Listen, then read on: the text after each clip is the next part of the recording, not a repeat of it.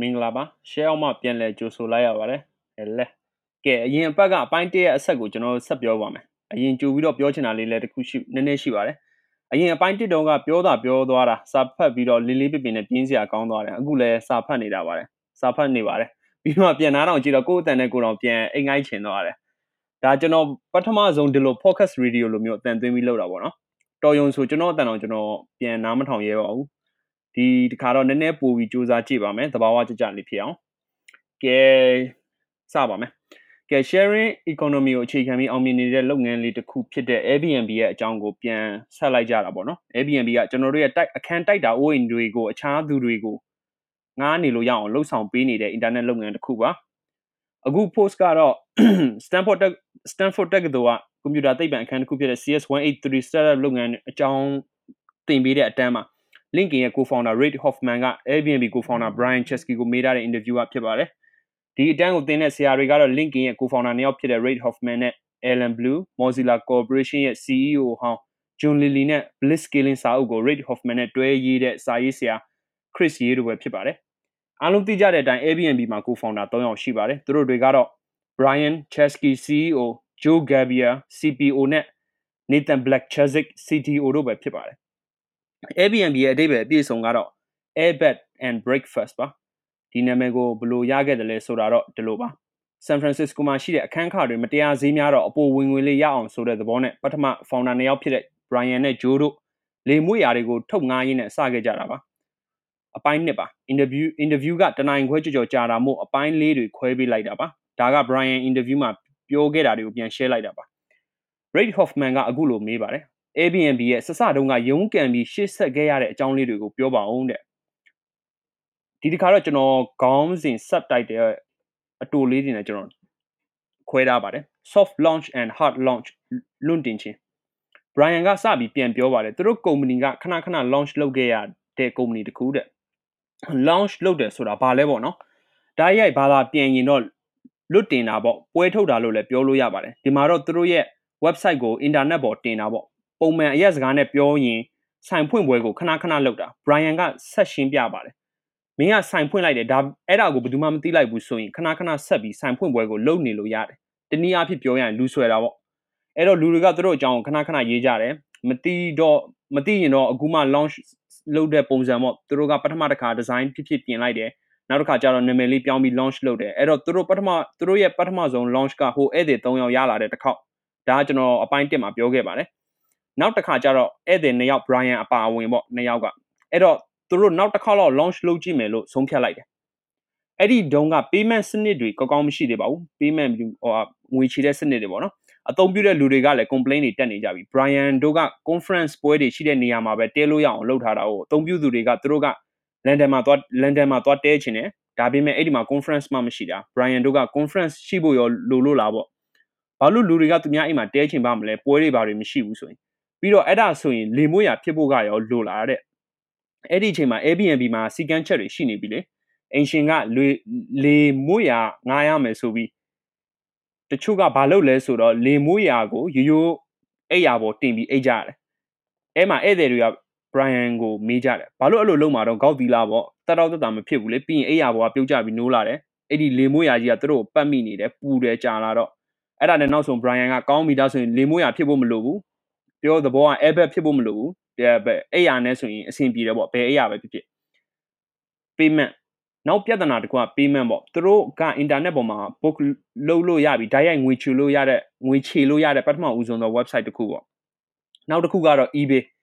eBay က PayPal ကိုသုံးတယ်ဒါပေမဲ့သူတို့က PayPal ကိုသုံးဖို့သဘောမကျခဲ့ဘူး PayPal တွေမရှိခင်က check လက်မှတ်တွေနဲ့သုံးကြတယ် PayPal နဲ့ကြတော့ PayPal ရဲ့ gateway စီကို redirect လုပ်တယ်သဘောက PayPal ရဲ့စာမျက်နှာစီ website စီကိုပြန်ပြီးတော့ပို့တယ်အဲ့ဒီမှာသွားပြီးငွေရှင်းရတယ်အဲ့ဒါကိုသူတို့ကမကြိုက်ဘူးအဲ့တော့သူတို့ဖြစ်ချင်တာက Brian တို့ဖြစ်ချင်တာပါနော်ဒီ Airbnb website ထဲမှာပဲအသုံးပြုသူတွေကိုရှိစေချင်တယ်ဒီကနေထွက်မသွားစေချင်ဘူးဧည့်သည်စီကပတ်စံကို Airbnb ကလက်ခံပြီးတင်ထားမယ်နောက်မှအင်ရှင်ကိုပြန်ပေးမယ်မသိဘူးအဲတုန်းကသူတို့ကဒါကိုတော်တော်ယူသွတ်တဲ့အတွေ့လို့ထင်ခဲ့တယ်သူတို့ကြောက်လဲကြောက်နေတော်တော်ကြောက်နေခဲ့တယ်ဘာလို့လဲဆိုတော့ဧည့်သည်ကသူတို့ကို ပတ်စံကိုပေးပြီးတခြားတယောက်ရဲ့အိမ်မှာသွားတဲရမယ်စနစ်ဆိုတော့လူတွေရဲ့ဒီယုံကြည်မှုကိုတိဆောက်နိုင်ပါမလားဆိုပြီးတော်တော်ကောင်းပူခဲ့ကြရတယ်ပြီးတော့ review ပေးလို့ရတဲ့လုံဆောင်ချက်ကိုထည့်လိုက်တယ်အဲ့ဒါနဲ့နောက်ဆုံးဆုံးဖြတ်လိုက်တယ်ချကွာဆွဲမယ်ဆိုပြီး UI UX ပေါ့နော် user interface user experience လို့ပြောမယ်ဆိုရင်ဒီအသုံးပြုအသုံးပြုသူတွေရဲ့ဒီခံအဆင်ပြေချုံးမွေးမှုတွေပေါ့နော်2008ရဲ့နွေရာသီပါနောက်ဆုံး version ကိုအချောတက်ကြတယ်နောက်ဆုံး product design က သူတို့ဆုံးဖြတ်လိုက်တဲ့ product design ကတကဘာလုံးဘယ်ကမဆို Airbnb ပေါ်မှာတင်ထားတဲ့တစုံတစ်ယောက်ရဲ့အိတ်ခမ်းကိုငါလို့ရရမယ်သူတို့ရဲ့ design flow မှာလည်းစီကံချက်တစ်ခုရှိတယ် click 3ချက်ထက်မပိုပဲအခန်းငါလို့ရရမယ်အကယ်ခလုတ်တွေအများကြီးအသုံးပြုနည်းတွေအများကြီးဖြစ်နေမယ်ဆိုရင်ဧည့်သည်တွေကဒီ website သုံးရတာအာရုံနောက်တွေဖြစ်လာလိမ့်မယ်ဒါကလည်းသူတို့ Steve Jobs ရဲ့ဇက်လန်ကနေကြားဘူးတာပေါ့ Steve Jobs iPod ထုတ်လုပ်ရေးကိုဦးဆောင်တုန်းက iPod ရဲ့ဘယ်နေရာမှာရရောက်ခလုတ်3ချက်နဲ့တချင်းဖွင့်လို့ရမယ့်ဟာကိုလုပ်ခဲ့တယ်အခုလည်းသူတို့က ခလုတ်3ချက်နဲ့ငွေချေပြီးအခန်းငါပြီးဖြစ်နေရမယ်ဆိုတာမျိုးကိုလုပ်ခဲ့တယ်အဲ့တော့ဘာတွေပါလဲဆိုတော့ search bar နဲ့တွဲထားတဲ့ home page တခုပြောရင်တော့ဒီပင်မစာမျက်နှာပေါ့နော်ဒီဒီစာမျက်နှာမှာမှာရှာလို့ရမယ်ဟိုဟာလေးဘားလေးတခုပါမယ်လွတ်နေတဲ့အခန်းစီးရင်ရှိမယ် listing ပေါ့နော်ပြီးတော့အိတ်ခန်းအသေးစိတ်စာမျက်နှာပါအဲ့ဒါကိုမှ reviews payment ငွေချေစနစ်နဲ့ customer service တွေအပါအဝင်ပေါ့နော်ဒါတွေအားလုံးကသူတို့ website ရဲ့တတိယမြောက် version ဖြစ်ပါတယ် angel investor ရှာဖွေခြင်း angel investor ဆိုတာကတော့သူတို့ပထမဆုံးဒီမတီငွေယင်းနှမြုပ်နှံမဲ့လူတွေပါကဲဒီလိုအဲ့ဒီလိုအချိန်မှာယင်းနှမြုပ်နှံမဲ့သူတွေနဲ့လိုက်တွေ့တာ15ရောက်လောက်ရှိသွားပြီသူတို့ကဒေါ်လာ3သိန်းကနေ3သိန်းခွဲအထိကိုရှာတယ်ကုမ္ပဏီရဲ့ခက်မန်းတန်ဖိုးကို1.5သန်းနဲ့တွက်ပြီးတော့ခက်မန်းတန်ဖိုး1သန်းလောက်ရောက်သွားတဲ့အချိန်မှာတယောက်ကတန်ဖိုး1.5သန်းအထိတက်ဖို့ပြောတော့နောက်ထပ်ဒေါ်လာ9000လောက်ထပ်ရှာရတာပေါ့အဲ့တော့ကုမ္ပဏီရဲ့10ရာခိုင်နှုန်းကိုဒေါ်လာ3သိန်းခွဲနဲ့တန်ဖိုးဖြတ်လိုက်တယ် ယင်းဒီမြုပ်နယ်မဲ့သူ15ယောက်နဲ့ email ကနေပဲမိတ်ဆက်ပေးခံမိတ်ဆက်ပေးချင်းခံရတယ်9ယောက်10ယောက်လောက်ကစာပြန်တယ်သူတို့စီကစာမပြန်ဘူး9ယောက်10ယောက်လောက်ကစာမပြန်ဘူးသူတို့စီကလည်းဘယ်တော့မှပြန်မကြားရဘူးကြံတဲ့သူတွေကတော့စာပြန်တယ်ပြန်တဲ့ထဲကတဝက်လောက်ကသူတို့ရဲ့ယင်းဒီမြုပ်နယ်မှု thesis နဲ့မကိုက်ဘူးတဲ့ဘာလို့လဲဆိုတော့သူတို့ thesis က consumer internet companies တွေအတွက်ပဲတဲ့ယင်းဒီမြုပ်နယ်မှုတွေလုပ်တယ်တဲ့ Brian တို့ကလည်းသူတို့လည်း consumer internet company တခုပဲလေဆိုတော့မရဘူးတဲ့အာအဲ့ဒါနဲ့ ရှားပြန်တချို့ကဈေးကွက်ကအလုံလောက်မကြည့်ဘူးတဲ့နောက်တစ်ယောက်ကခီးသွွားလုပ်ငန်းခီးသွွားလာရေးလုပ်ငန်းတွေဆိုရင်စိတ်ကိုမလှုပ်ရှားတာတဲ့နောက်ထပ် investor တွေနဲ့ထပ်တွေ့တယ်မထည့်ဘူးတယောက်မှအဆိုးဆုံးအခြေအနေက August 2008ပေါ့နော်အဲ့ဒီမှာပဲ launch လုပ်လိုက်ရတယ်နောက်တစ်ခါယင်းဒီမြုပ်နာမဲ့သူ Mike Maples နဲ့တွေ့တယ်ဒါနောက်ဆုံးတယောက်လို့ပြောရမှာပေါ့ Brian ကလည်းနည်းနည်းမန်တက်သွားတယ်ယင်းဒီမြုပ်နာမဲ့သူနဲ့သွားတွေ့တဲ့အချိန်မှာ presentation လုပ်မဲ့ deck တောင်မပါသွားဘူးခင်ဗျ deck ဆိုတာကတော့တည်တည်ချာရှင်းပြမဲ့စာရွက်စာတမ်းအချက်လက်ပေါ့ leveler နဲ့ရောက်သွားတယ် Brian တို့က website ကိုတန်းဖွင့်ပြမယ်ပေါ့နော် TechCrunch ဆိုတဲ့နည်းပညာပြပွဲမှာလည်း website ကိုပွဲထုတ်ထားတယ်ဝင်ကြည့်တဲ့သူတွေကအယောက်1000လောက်ရှိနေတယ်အဲ့ဒီအချိန်မှာ website ကိုရိုက်ထည့်လိုက်တယ်တက်မလာဘူးယင်းနေမျိုးနယ်မဲ့သူရှေ့မှာပဲငုတ်တုတ်တနိုင်ကြော်ကြော်လောက်ကြာသွားတယ်အဲ့မှာ mic ကိုအလွတ်ရှင်းပြလိုက်ရရှင်းပြလိုက်ရတယ် mic ကလည်း Brian မင်းဘာလာပြောနေတာလဲပေါ့နော်အဲ့ဒီတော့တော်တော်ရှက်ဖို့ကောင်းပါတယ်တော်တော်လေးသင်ခန်းစာရသွားပါတယ်သွားပြီးပြောတော့မယ်ဆိုရင်အနည်းဆုံး deck လို့ပြင်ဆင်ထားရမယ် သဘောတရားစာရွက်စာတမ်းလေးပေါ့နော်မဟုတ်ရင်လည်း website ကိုမကြအောင်လုပ်ထားရမယ်မတောင်းအောင်လုပ်ရမယ်ဒါနောက်ဆုံးတယောက်ပဲပတ်စံလဲကုန်ပြီအကျွေးဝိုင်းဝိုင်းလေငငယ်ကကလေးတွေကတ်တွေနဲ့ကစားရင်ကတ်တွေကိုသိမ်းတဲ့ခောက်အိတ်လေးတွေရှိတယ်အဲ့လိုအိတ်မျိုးထဲမှာအကျွေးဝယ်ကတ်တွေကိုထည့်သိမ်းထားရတယ်များလုံးလို့ပေါ့အကျွေးဒေါ်လာ3000လောက်ကတ်ထဲမှာ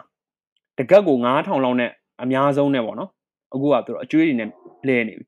ဘန်တွေကကတ်တွေကိုမပိတ်မချင်းသုံးတယ်ဂျိုးလည်းတူတူပဲဘရိုင်ယန်လည်းတူတူပဲနောက်ဆုံးဒေါ်လာ1000နဲ့ချီအကျွေးတွေကရှိနေပြီအဲ့ဒီလိုနဲ့ပဲ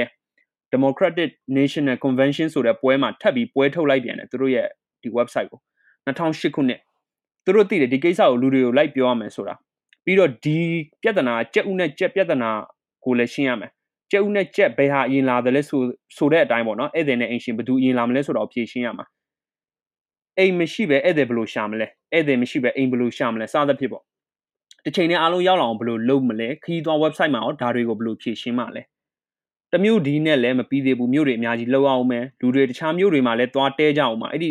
တစ်ချိန်တည်းမှာပဲဒါတွေအားလုံးကိုလိုက်လောက်အောင်ပါအဲ့တော့သူတို့တွေးလိုက်တာဒါဆိုမီဒီယာပေါ့နော်မီဒီယာသတင်းတွေမှာပါမှဖြစ်မယ်သူတို့ရဲ့ဒီလုပ်ငန်းအကြောင်းအဲ့ဒါဆိုရင်ပွဲတွေလည်းသွားရမယ်ဟုတ်ပြီ Democratic National Convention ပွဲမှာသွားရင်သတင်းထဲမှာပါလောက်တယ်ဆိုပြီးတော့ပေါ့ Barack Obama ကလည်းအဲ့ဒီပွဲလုံးမဲ့ Denver မြို့ကိုလာမှာဆိုတော့လူပေါင်း8000လောက်ကလာကြမယ်လို့သူကခန့်မှန်းတယ်ဘာလို့လဲဆိုတော့ပွဲစဉ်ထိုင်ခုံပေါင်း8000လောက်ရှိတာ哦ဟိုတယ်အခန်းတွေကအဲ့ဒီမြို့က2000 9000လောက်ပဲရှိကြတယ်သူတို့ကဒါကတကယ်အခွင့်အရေးပဲဟုတ်ပြီဆိုပြီးသူတို့ New New York Times နဲ့ CNN ကိုဆက်သွယ်ခဲ့တယ်ဟိုကပြန်ပြောတယ်မင်းတို့ဘာတွေလာပြောနေကြလဲဆိုပြီးယူနေလာဘသူကများသူများအိမ်မှာသွားတဲချင်ပါမလဲအဲ့ဒါနဲ့သူတို့ဒေတာခံမီဒီယာသတင်းမီဒီယာတွေစီတခါပြန်ဆက်သွယ်ကြရပြန်တယ် ဘသူမှအကြောင်းတော့မပြန်ကြဘူးနောက်ဆုံး bloggers တွေစီကိုသွားပြီးရေးခိုင်းရတယ်အလေတန်းចောင်းသားလေရတယ်ရေးချင်တဲ့သူရေးဆိုပြီးတော့ပြီးလဲပြီးတော့ Google မှာ DNC စောစောကပွဲရဲ့နာမည်ကိုရိုက်ရှာလိုက်တာနဲ့သူတို့ရဲ့ Airbnb website ကအရင်ကျလာတယ် bloggers တွေအားလုံးကဝိုင်းရေးထားတာကြကိုရေးကြတာ哦ဒီကိစ္စအဲ့တော့မှဒေတာခံမီဒီယာမီဒီယာသတင်းစာတွေကလိုက်ရေးကြတယ်နောက်ဆုံးကျတော့ CNN နဲ့ New New York Times တို့ပါပါလာတယ် စပြီးတော့ချိန်မိတယ်အဲ့ဒီမှာဒါပေမဲ့အကျွေးတွေကအများကြီးကျန်နေတယ် booking 80လောက်တက်လာတယ်ခဏကဒီ DNC ပွဲကနေပေါ့နော် Democratic National Convention ပွဲကနေကအယောက်80လောက် booking ရလာတယ် Republican National Convention ပွဲကနေတော့တစ်ခုနှစ်ခုအာဘောနော်အဲ့လောက်ပဲရခဲ့တယ်ပွဲတွေလည်းပြီးရော booking ဘာ booking မှမရတော့ဘူးသူတို့ဒါလုပ်နေတာတနေ့ပြည့်တော့မယ်အခုထိဘာမှမမယ်ရမဖြစ်သေးဘူးပွဲတွေရှိမှဒါကအလုပ်ဖြစ်မယ်ဆိုရင်မဟုတ်သေးဘူးလေ အကျွေးတွေကလည်းတက်နေပြီဘယ်သူမှလည်းယင်းဒီမြုံနှံဖို့မလုပ်ချင်ကြဘူးသုံးခါတိတိလည်းပွဲထုတ်ပြီးပြီသတင်းတွေမှာလည်းပေါ်ပြချင်ခံရပြီးပြီသုံးတဲ့လူလည်းတယောက်မှမတက်လာဘူးအခုကကိုဖောင်နာတယောက်ကလည်း Boston ကိုပြန်တော့မယ်သူစစ်ဆက်ပွဲအတွက်သူနဲ့စစ်ဆက်ထားတဲ့သူကလည်း San Fran ဘက်ကိုလိုက်လာပြီးနေချင်မှာမဟုတ်ဘူးလေအခြေအနေကဘာမှမသေးချာတော့ founding team ကတူတူဖြစ်မယ်ဆိုတာဝေဝါးနေပြီသူတို့အားလုံးဆင်းတာ twin အောက်ဆုံးကကြောက်ဖြာကြီးကိုထိနေပြီဆက်ဆင်းလို့တော့မရတော့ဘူးအခြေအနေကဘာဆက်လုပ်ရမှန်းလည်းမသိတော့ဘူးမနက်စာလှုပ်ရောင်းခြင်း တမနက်ကျတော့ဂျိုးနဲ့ဘရိုင်ယန်ကစဉ်းစားကြတယ် airbed and breakfast ဆိုတာလေမွေးရာတွေကအလုံးမဖြစ်ဘူးဆိုရင်သူတို့မနက်စာရောင်းလို့ရသေးတာပဲဆိုပြီးတော့အဲ့ဒါနဲ့ရောင်းဖြစ်သွားအောင်လူတိုင်းကတော့စားရမှာပဲမနက်စာကတော့မစားလို့မရအောင်မနက်စာစရောင်းကြမယ်ကြက်ဥတော့ကြော်မရောင်းဘူးဒါပေမဲ့အဲ့ဒါနဲ့ဘာလို့ဘာရောင်းလဲဆိုတော့ cereal မနက်စာတွေစရောင်းဖြစ်သွားဖြစ်သွားကြတယ်သူနှုတ်နှုတ်နဲ့တောက်တာပေါ့နော်ဒါပေမဲ့ရိုးရိုးမရောင်းဘူးသမဒရွေးကောက်ပွဲဒီဇိုင်းဘူးပုံစံတွေနဲ့ရောင်းတယ်အဲ့တော့2008ခုနှစ်ပေါ့နော် ဒီအိုဘားမားနဲ့မက်ကိန်းသူတို့ရဲ့ရွေးကောက်ပွဲ election ရှိတဲ့ရာသီပေါ့2008အိုဘားမားနဲ့မက်ကိန်းတို့ရဲ့ရွေးကောက်ပွဲဆိုတော့အိုဘားမားစတိုင်အိုဘားမားစတိုင်ကို Obama Oats the breakfast of change နဲ့နောက်တစ်မျိုးက McCain Stein ကိုတော့ kept McCain's a maverick in every bite ဆိုပြီးစရောင်းကြတယ် Syria design ဘူးတွေကိုသူတို့ဘာသာသူတို့ပြုလုပ်ကြတယ်ပြီးရင်သူတို့ဖုန်းခေါ်တယ်စားတော့ကုန်ကုမ္ပဏီကြီးတစ်ခုဖြစ်တဲ့ General Mills ကိုခေါ်ပြီးမေးတယ် Syria တွေဝယ်ချင်တယ်ဆိုပြီးဟိုကပြန်ပြောတယ်မင်းတို့ဘာတွေလာပြောနေတာလဲတဲ့ တရားမှုဝင်ရွေးကောက်ပွဲစတိုင် Syria မနက်စာကိုရောင်းကြမှာလားဆိုတော့ Anna Bryan ကငါတို့အလေလက်တန်းစားစားတော့စားတော့ကုန်ကုမ္ပဏီတွေခေါ်ကြမယ်တဲ့အဲ့ဒီကုမ္ပဏီတွေကလည်း check ကိုဒေါ်လာ2သိန်းလောက်သူတို့အရင်ပို့ခိုင်းတယ် Bryan က short လိုက်အောင်နောက်ဆို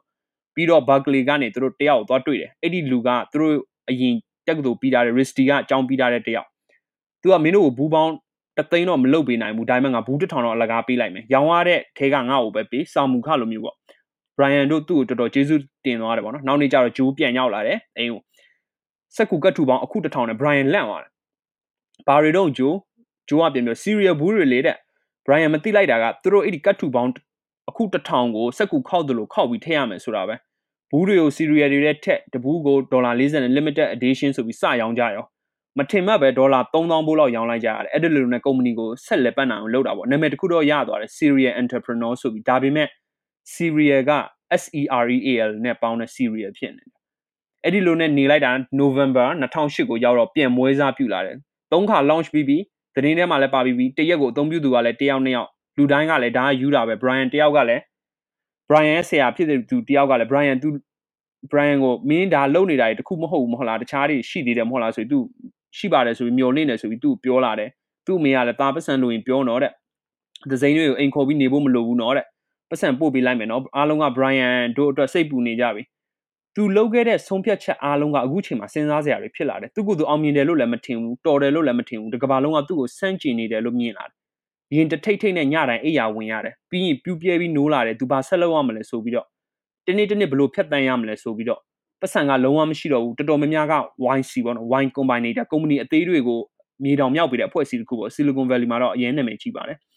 အဲ့ဒီမှာသွားရှောက်ကြည့်ဖို့ပြောတယ် Brian ငါတို့ဟာ launch လုပ်ပြီးပြီလေတဲ့ငါတို့ခီးတော်တော်လဲလွန်နေပြီတဲ့သူသူအဲ့တော့သူ့တငယ်ချင်းတွေကမင်းတို့ဟာသေနေတာလေအဲ့တော့ Brian ကဆိုတာ Brian ကဒါဆိုငါတို့ကဘယ်မှမရောက်သေးဘူးပဲသေနေတယ်ဆိုတဲ့သဘောဆိုတော့အဲ့ဒီလိုနဲ့ပဲနောက်ဆုံး YC ရဲ့